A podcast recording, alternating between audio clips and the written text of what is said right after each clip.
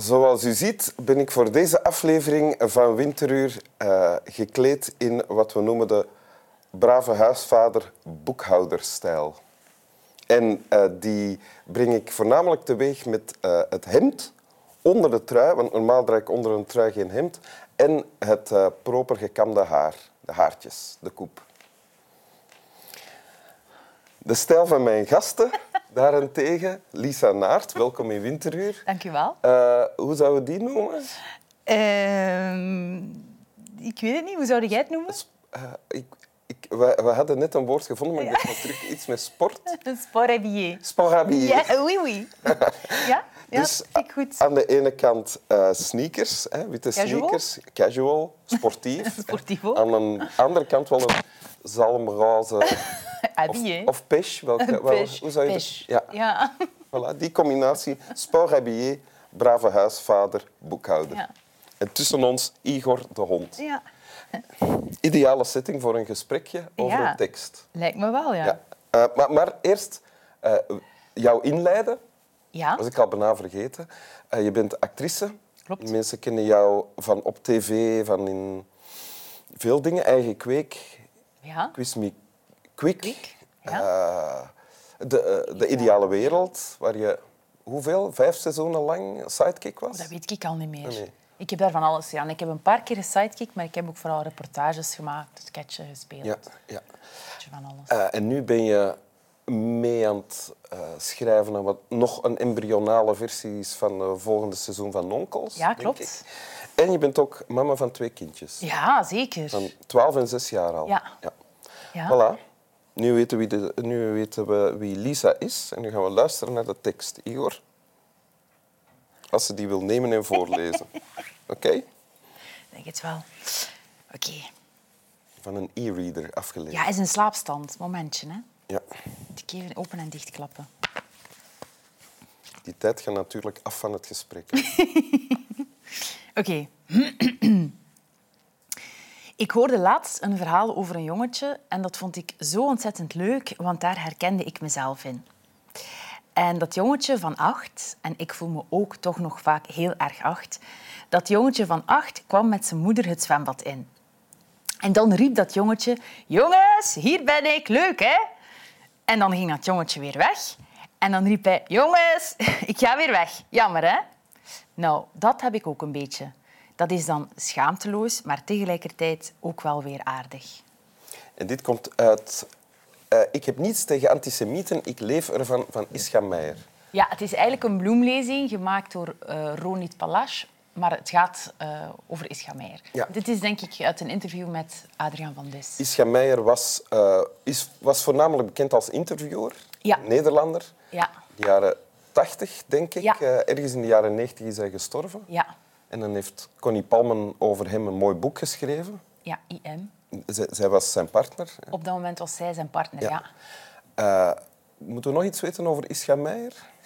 Er valt van alles te vertellen over Ischa Meijer. Hij is een hele, hele interessante, uh, inspirerende man, vind ik. Ja? Um, maar... Um... Als interviewer dan? Ja, als interviewer. En, en hij, heeft ook wel, hij heeft ook boeken geschreven, hij heeft ook toneel gespeeld, hij hield van zingen.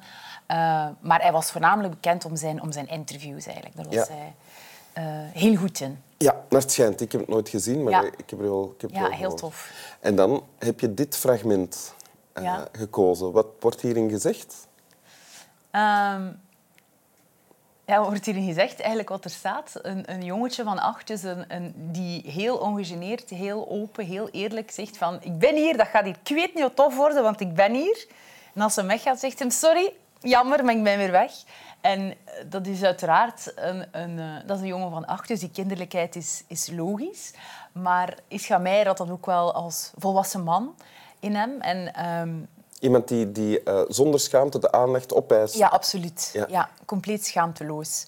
En het is niet zozeer dat ik mezelf daarin herken of zo, in die schaamteloosheid, want dat heb ik niet zo erg.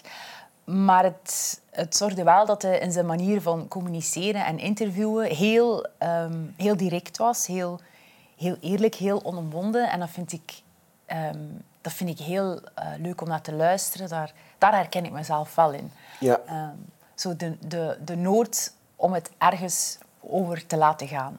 Om het ergens over te laten gaan. Ja, ja. En in tegenstelling tot small talk of uh, ja, tot generisch... talk. Ja, inderdaad. Ja. Uh, ja, ja. Of ook zeker dat, maar ook misschien breder het, het, uh, het, durven je kwetsbaar op te stellen. Ehm, omdat dat ook heel...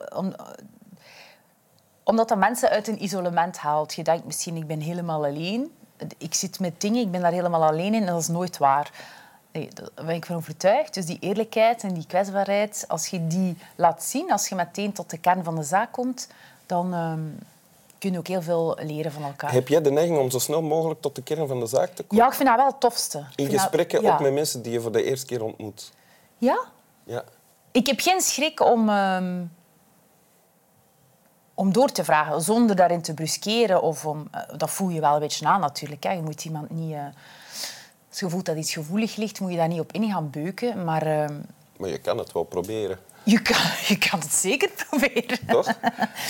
Nee, maar het, het, gaat, het, het komt wel altijd vanuit een oprechte interesse uh, van um, hoe iemand in elkaar zit of hoe iemand naar dingen kijkt of wat iemand zijn verhaal is. En heeft dat dan ook te maken met... Uh, ik bedoel, je hebt oppervlakkige gesprekken die soms lang kunnen duren. Mm. Um, die worden ook...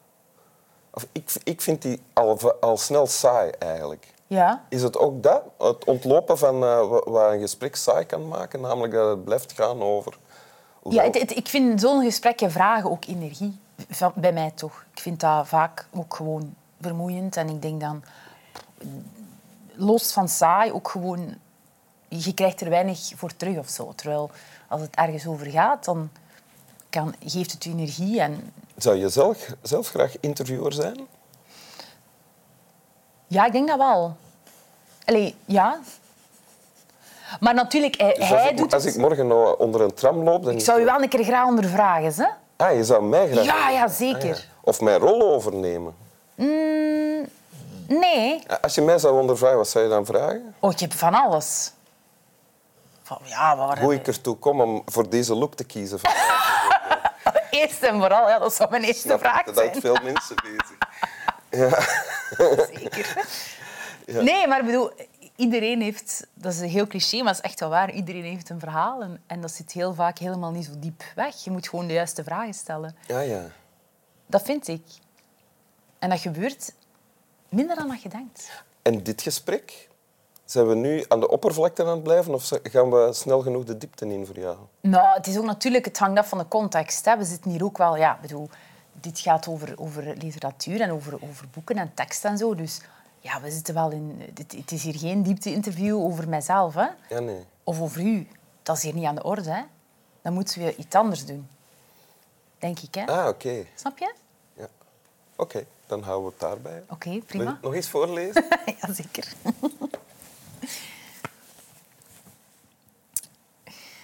Ik hoorde laatst een verhaal over een jongetje en dat vond ik zo ontzettend leuk, want daar herkende ik mezelf in. En dat jongetje van acht, en ik voel me ook toch nog heel vaak heel erg acht, dat jongetje van acht kwam met zijn moeder het zwembad in. En dan riep dat jongetje, jongens, hier ben ik, leuk hè? En, dat ging, en dan ging dat jongetje weer weg en dan riep hij, jongens, ik ga weer weg, jammer hè? Nou, dat heb ik ook een beetje.